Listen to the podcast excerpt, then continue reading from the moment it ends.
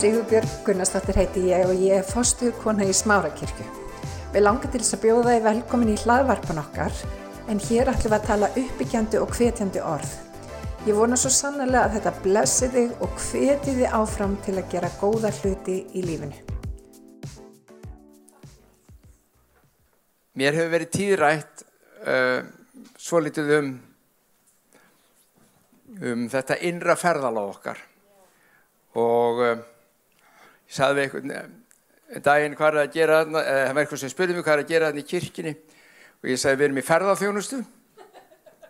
Þeim fannst það nú ekki mjög bratt svona á þessum tímum, það er í ferðarþjónustunni, en við erum í ferðarþjónustu innra ferðarlagsins.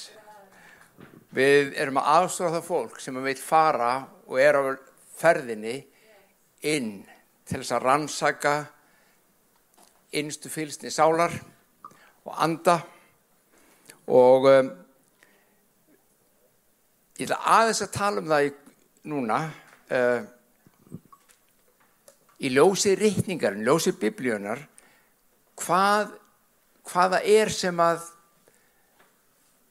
við erum að leita, hver svarið er samkvæmt biblíinu við vandamálum hins innri mannsins.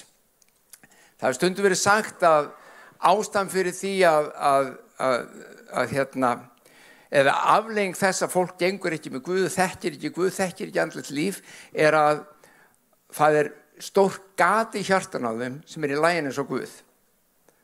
Þetta bara hrópar á þau, það er óp og tómleiki innanfyrir og það er bara að fylla þetta tómarum með Guði. Flestir áttast ekkert endilega á því að það er Guð sem að þarna á heima, að það er Guð sem þarna ætti að vera.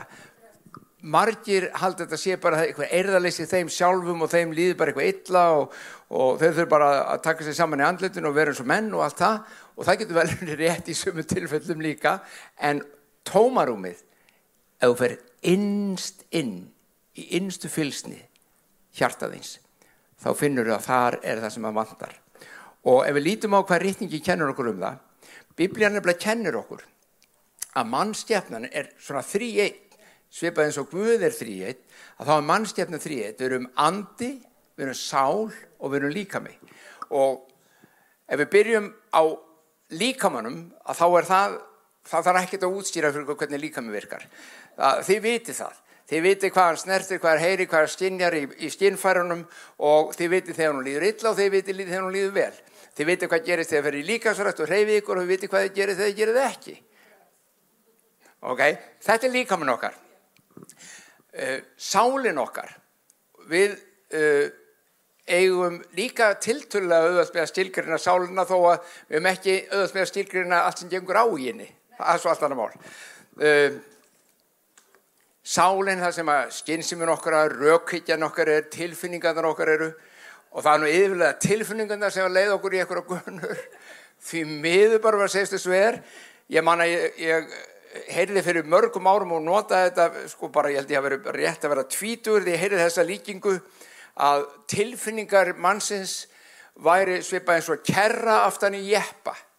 Og þú ert á flegi ferð með jeppan og kerran fer með. Og jeppin er þína ákverðunir, þína rökhyggja, lífið þitt og skynsimi og þú keirir bara eftir veginum og viti menn tilfinningar það fylgja bara með þeir líður í samrami við það sem þú ákveður og gerir. Síðan er það spurningin hvað gerist ef þú snýrið svo við og lættu kerrun að draga jeppan fyrstu beigju get lofarið að það mun ekki fara vel. Þetta, og ekki einu sinni við sem að gangi mjög vel þó varir á beinumkabla en alls ekki þú lendir í beiginni vegna þess að kerran hefur ekkert vald til að stjórn og stýra. Og tilfinningar á það þó að það séu góðar og getur verið góðar þá er það stjálfilegar ef það stjórna líf okkar. Það er ekki góðar þar. Um, síðan er það er ekki allir sáttir eða sammála því endilega að það sem rítningin talar um sem er þriði þriði svona þáttur mannsinn sem er andin andin er þessi innsti það er það er, er innsta í þér það er sjálfið í þér innstinni ekki egoið en þú sem persóna, þú sem einstaklingur skapaður eða sköpuð í Guðs mynd það er djúftinni og þegar Adam og nú sem þetta hlusta, það getur vel að segja já, Adam var til og Eva var til og það er, það er gott við trúum því að sjálfsögða þau hafa verið til. En jáfnvel þú trúir því ekki þá veistu það samt að einhver, einhver stað var fyrsti maðurinn. Einhver staðar og meiri segja í, í líf hérna í líffræðinni og í, í, í genafræðunum og þá rekja þeir upphaf mannsins til einnar konu og þeir kalla hann Efu og þannig að upphafið er einhver staðar. Og Guð skapar og Guð er kærleikur þannig að hann setur lögmál kærleikans í virkni í öllu allir í sköpunni hann sjálfur er kærleikur svo þegar sem hann skapar þar setur hann kærleikarinn allt virkar og starfur í lögmáli kærleikans og þar á meðal maðurinn líka Adam og Eva. En þau rjúfa, því þetta ekki þess að sögu þau rjúfa lögmál kærleikans. Þau slíta sér frá og það sem gerist það það, elsku vinnur, er að það er ekki bara það að Adam og Eva lendir í vandraðum mannkynni lendir í vandraðum það týnir, það tapar áttum. Það gjör sannlega tapar áttum og fer villusins vegar og hugmyndin um samfélagi við Guð, þetta virkar þannig að hugmyndin um samfélagi Guð verður fjarlægri, fjarlægri og fjarlægri og þá fara það að ímynda með sér alls konar myndir og þeir fóra að búa til með sér skurðgóð og höggva myndun svona er Guð, svona að þeir eru búin að tapa samfélaginu við Guð og hvar var samfélagi við Guð? Það er nefnilega það sem andin snýst um. Í andanum snertu við Guð Í andanum skinnjum við röttuguðus, í andanum dvelur hann. En í myrkvuðum anda sem er aðskinnum frá lögumáli kærleikans, þar er streð, þar eru erfileikar og það er hrópið sem er innra með hverjum og einu manni. Annars lægir, þú veist að kæri vinnur, annars lægir ef þú ekki þekkir Guð persónlega, ef þú þekkir ekki Krist, þá veistu það að leit þín því þú leitar allir menn þurfa allir menn þrá. Hrópið er eftir þessari snertingu við Guð. Fagnarerindið dásalega fagnarerindi Jésu Krist er það að þú og ég höfum aðgang að þessu þessari snertingu Guðs inn í andokkar aftur. Hann getur lagaða því að maðurinn og taktum við vel eftir þetta, þetta er maður búin að læra af eigin reynslu en líka í, þegar maður læri trúabröða söguna og um trúabröð heimsins að öll heimsins trúabröð ganga út á það að nálgast aftur þetta sem var í upphafi. Að nálgast Guðs neistan að nálgast Guð innra með sér. En hver einustu trúabröð heimsins þar að segja nema kristendumur segja þú ert að gera þetta þú er að gera þetta, þú er að vinna svona til þess að ná því. Þú er að stunda svona yfkun, svona, fara í svona jóka, gera þessa hugleyslu, alla svo liti og það, veistu, það er fjöldin allur af fólki um allan heim sem yfkar þetta í leitsinni að innri frið og sannleika. Fagnarendi, segir Pál, um Jésu Krist, er fyrir mörgumönnum heimska. Þú ert kannski að hlusta að segja, já ég er búin að segja það alla tíð, þetta er tóm heimska. Má vera. Staðrindin hins er svo að ástæðan fyrir því að Pál kallaði, eða sagði því að fólk kallaði heimsku er að í fagnærundinu Jésu Krist, þar gengur það ekki út á það sem þú átt að gera, heldur það sem Guð er búin að gera. Sér er munin. Annars vegar, ég man eftir, ég gleymi því aldrei, ég var í, í, í hérna, að læra út í Sviss, ég lóði sann í Sviss og það kom japanskur trúabræðafræðingur og það er þá strax sem að það vakti áhuga, sennilega var þar kveikt í mér þetta með að þekka trúabröð heimsins betur, þannig ég ákvaði að leggja það fyrir mig að læra það síðar og hann gerði svolítið merkilegt. Hann var ekki alltaf kristinn. Þegar hann lærið trúabræðafræði þá var hann bara áhuga á trúabröðum heimsins og hann var ekkert kristinn en hann stúderaði alveg frem í fingugóma. Við það að stúdera og bera saman trúabröðin þá komst hann að því að kristendómurinn var eitthvað alveg sérstakur. Og það leittandi trúar hann eignast líf í Guði. í gegnum Jésu Krist og svo gerði hann þetta í kjenslustundir í skólanum hann tók biblíuna sett hann svona annan endar hérna á, á, á hérna kjensluborðinu og saði hér er biblían. Síðan get ég tekið allar aðrar trúarbækur sem ég hef lært og sett þar á hinn endan á borðinu og milli allra þeirra og þessar er einu er gjá. Það er eins ólíkt eins og hægt er að hafa það svo kröftu er biblían saðan ekki það að hinar greind ekki frá leitinni. Það greina frá leitinni. En leitin fyrir í sér að maðurinn þarf að ávinna sér sessin með Guði. Biblían segir þú getur ekki ávinnið þér sessin. Ég eitt get bóðir hann og gefir hann og þú getur bara þegja hann sem gjöf og þegar menn átt að segja þessu og þá byrjaði innra ferðalag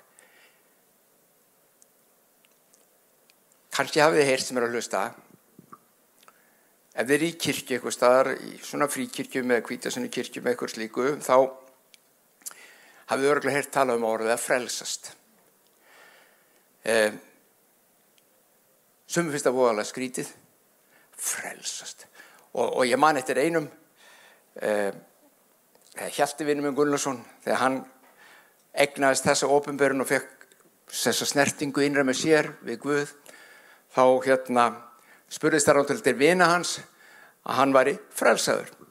Og það sama kvöld, sama kvöld og hann, þetta gerist, þá ringi vinnur hans í hann og segi, hei, heyrðu það frelsast, má ég koma, koma við þig?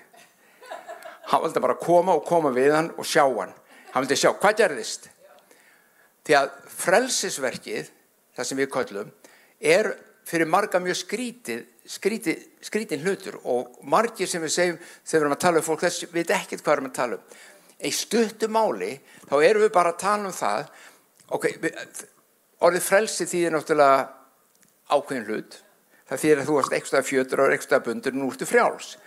Og biblían segir þess að falli orð hann segir til frelsis frelsaði Kristur þig eða okkur hann frelsaði okkur til að vera frjáls. Og frelsið er ekki fólki í því að geta gert og meg að gera hvað sem við viljum og hefða okkar eins og bafiðanar það er ekki frelsi. Frelsi er innra. Það leysir úr læðingi þrána og friðin sem þú og allir menn er að leita að innra með sem segir oh, ég er búin að tengjast aftur lögmáli kærleikars ég er búin að tengjast aftur kærleikanum. Kærleikurinn sem er Guð hann er fann að tala til mér og hann vinna í mér og ég finna hann. Viti menn alls konar hluti gerast í lífinu eftir það og lífið breytist. Verk þín breytast, orðin breytast aðtapniðinni breytast. En það er ekki vegna þess að Guð segja, já, nú áttu að gera þetta og hitt. Nei, það er að því hann er búin að breyta. Ég man eftir því að ég var ungu maður á, á Siglufyrði, réttum tvítugt eða eitthvað slíkt og ég var þar að, með úlingahóp, það hitti úlingahópin í kirkini og, og rosalega gaman og uh, alveg frábæri krakkar. Og, uh, og ég man eftir að einn ein stelpar spurði mig og, og þegar maður er svona kristinn, má ég þá ekki fara á ball? Veist, hún, ég nefnilega er alveg verða 16 ára og það er 16 ára aldurstakmark og mér langar svo rosar, ég er búin að býða eftir þessu og ég sagði þetta gengur ekki út úr það að eitthvað sé að banna það að fara ball það er bara ekki svo leis ef þú gefur lífið Guði og þú fær þessa snertingu þá er þetta bara spurninginu um það eftir það hvort þú vilt fara á ballið. Það verður ekkert með að gera þessi banna að fara bara viltu fara. Og, og það er það sem meðal annars breytist. Og, og ég veit reyndur um einn sem sagði að þá vil ég ekkert breytast, ég vil fara á ball. Ok, gott og vel. Þá bara er það svo leiðis en ekki að þarna fyrir norðan þau, þau voru bara velt þessu fyrir sér, þau voru frábæri krakkar. En það er þessi, þessi innri breyting með, í lífinu það er þessi snerting við andaguðs og mér langar að lesa aðeins í kólusubrifinu til þess að við áttum á því. Þetta er bara, nú er ég bara svona að skauta yfir bara stóra mynd og um, því að þetta er upp svona fyrir fyrir innra ferðalag í kristninni þá byrjar það svona. Þetta er upphafið þar. Í Kolosibrefinu uh, segir svona og Páll er að tala og hann segir í versi 25 í fyrsta kabla Hans þjótt er ég orðin sangvað því hlutur ekki sem Guð hefur mér á hendur falið ykkar vegna að flytja Guðs orð og skorðar Leindardómin sem hefur verið hulinn frá upphafi tíða og kynsluða hefur nú verið ofinberaður Guðs heilugu kirkjunni. Guð vildi kungjera hvem kvílikan dýrðar ríkt um heiðinu þjóðunar heiðinu þjóðunar voru sem sagt allir allalara þjóður heldur en gýðingar svona bara skjótað inn í. Sem er haldið að sko, þetta er svo ljótt orð heiðinu þjóðunar, já þetta eru bara eitthvað svona, þetta eru svona eitthvað villimenn um, bara svo til að gleyðja þig, svo getið aðslakað á. Í, á ennskunni er þetta heathens og á íslenskunni hei, heiðingjar. Og þetta þýðir einfallega bara fólki sem bjóð upp í heiðunum. Hís í, á ennsku eru heiðar og heiðar, heiðar á íslensku eru náttúrulega heiðar. Og það er ákvæmlega það sem þýtti með öðrum á þetta bara fólki sem ekki bjóð inn í Jérúsalem ekki bjóð í Ísrael heldur annar staðar það voru heiðingarnir það var ekkert ljótt við þetta. Við erum alltaf búin að setja einhvern svona ljótan stimpil á þetta. Ja. og hvíliku dýrðar ríkudómur heiðinu þjóðunar eiga í þessum leindardómi sem er Kristur hérna í okkar þýðingustendur meðal ykkar von dýrðarinnar en í flestum þýðingustendur Kristur von dýrðarinnar í þér.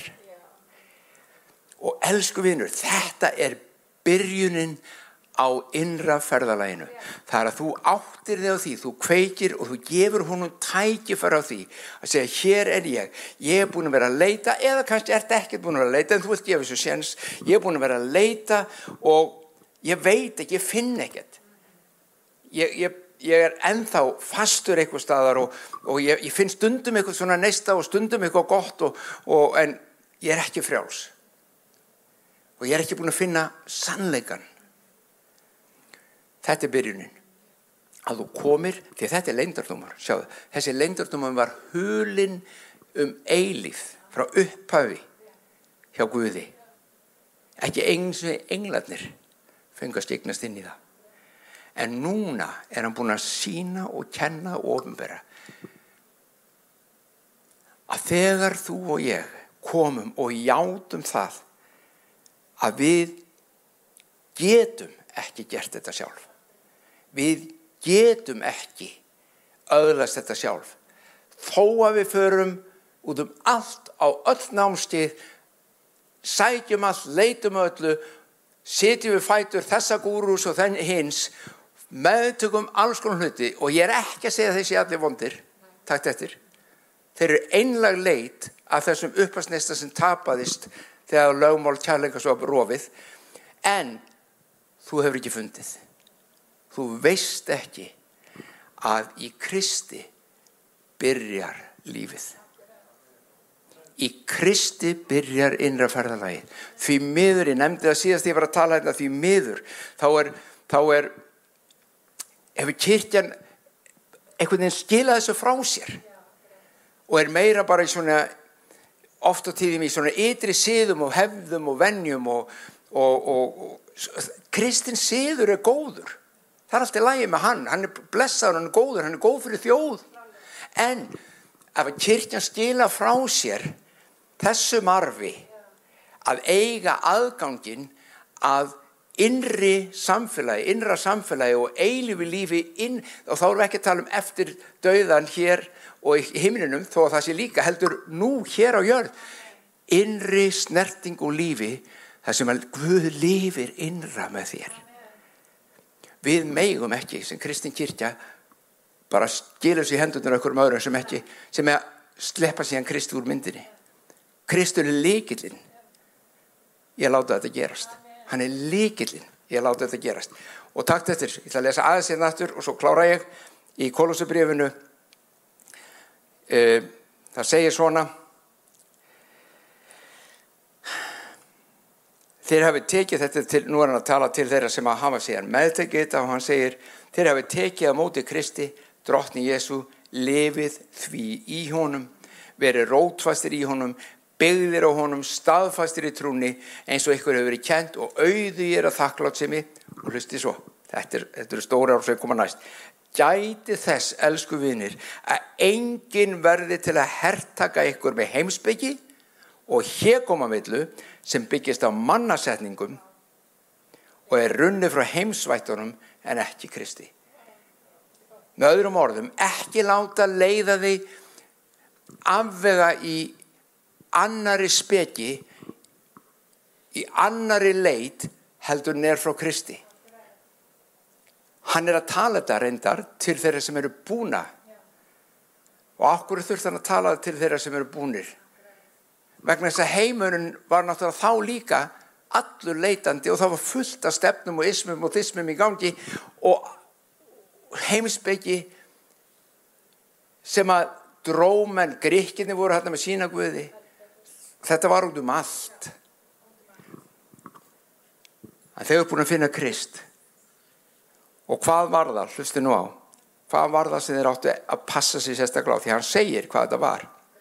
Verið rótfastir látið engan herrtaka ykkur með heimsbyggju og hér koma villu svo segir hann vegna þess að því að í honum Jésu Kristi býr öll fylling guðdómsins líkamlega. Með öðrum orðum Kristur ofinberaði guð þegar hann gekk á jörðinni. Líkamlega í honum byrtist skaparinn, kærleikurinn. En það saði Jésús hafið þið séð mig þá hafið þið séð föðurinn. Ég og hann erum alveg eins. Ég ger ekki nema sem hann segir mér. Pælið því. Þannig hann endur speiklaði, hann síndi ofinberaði föðurinn. Þannig ekki láta taka það frá okkur segir Pál. Og hér er það fyrir þig og mig. Og í honum, í Kristi sem er höfuð hvers konar tegnar og valds hafi þér nú öðlast hlutdeild í þessari fyllingu. Hvaða fyllingu? Sem að varu að segja undan hver og hún öll fylling Guðdómsins byrtist í Kristi og nú hefur þú fengið hlutdeild í þeirri fyllingu. Þetta margi kristnir ná ekki einu sinni þessu því miður og alls ekki henni sem er fyrir utan eru. Þeir halda að Kristur bjóði ekki einu sinni upp á þetta. Hann bjóð, hvað hann, hann býð, þeir, Kristur býður bara upp á eitthvað svona kristin dóm. Svona eitthvað hefður og vennjur og, og, og, og messur og hitt og þetta og bænir en ekki upp á það að fá hlut deild í guðlegri fyllingu. Og þetta kæri vinnur við aldrei láta stela frá okkur. Pál varaði við því ekki láta taka þetta frá okkur. Þetta er líkillin að trúa lifið hins kristna. Að í mér ekki það segir í biblíðan reyndar að ég, við séum mustur heila samt að líkum okkar sé með öðrum orðu, hann býr í okkur líka þá. Í andanum, andisál og líkam í anda okkar, innst inni þar er guðlögt eðli þegar þú ert búin að taka á mót þessu. Bjó ég það til? Nei. Fjekk ég það að því ég var svo góður? Nei. Og þú hugsa kannski, ég hef ekki aldrei fengið að því ég er svo vondurhaldur? Nei. Það breytir engu hverðu ert, breytir engu hvað hún kemur, breytir engu hvert þú ert að fara, breytir engu hvar þú hefur verið, engu. Þetta stendur þér til bóða, elsku vinnur hlutdeild í guðlu eðli stendur þetta bóða að hans eðli, kærleikurinn sjálfur komi inn í hjartaðitt inn í andaðinn og umbildi þínu minnra manni. Og lífi byrjar. Þá fyrst byrjar lífið. Þetta er Kristudóparinn allt sem er búin að heyra um mögulega um að hvað sé Kristófur eða sjá og halda, glemdu því. Skoða bara þetta. Þetta er leikillin. Allt annað. Ég segi, ég ætla að vera svo djarfur, ég ætla að segja þér meira segja það, þú þart ekki einu sinni að byrja að trúa öllum atom og efið að gamla testamentinni, þú þart þess ekkit. Leðu Krist að koma og hann mun sína þér alls konar hluti. leiðu honum okkar, byrjaði bara honum hann er líkillinn að öllu öðru við skulum byggja Fæði minn við þökku þér fyrir það að við megum fara saman í Guðs orð. Og ég bygg fyrir fólkinu sem er að hlusta, vini mínum og sýstinum og fjölskyldu okkar í smárakirtu og öllum öðrum sem er að hlusta. Að orð þitt megi fara inn í hjört okkar og bera þar ávöxt. Bygg fyrir blessunin í líf þeirra og það sem eru erfileikar og stríð og baráta að þú komið með kraftinn, þú komið með líf þitt, komið fyrirgefningu þína, löst þína, leysir og setir frjálst. Dróttu við þökku þér. Og ef þið langar til kæri vinnu nú skulum byggja saman, byttu þá með mig núna bara það sem þú ert. Himlisti Guð, ég þakka þér fyrir fagnæri reyndið um Jésu Kristi. Og ég þakka þér að ég þarf ekki að gera þetta í eigin mætti ég get komið til þín. Jáfnveg þó það hljómi fáralega mannlega séð. Og beði þig um að fyrirgefa mér allt það sem er rámt í lífi mínu.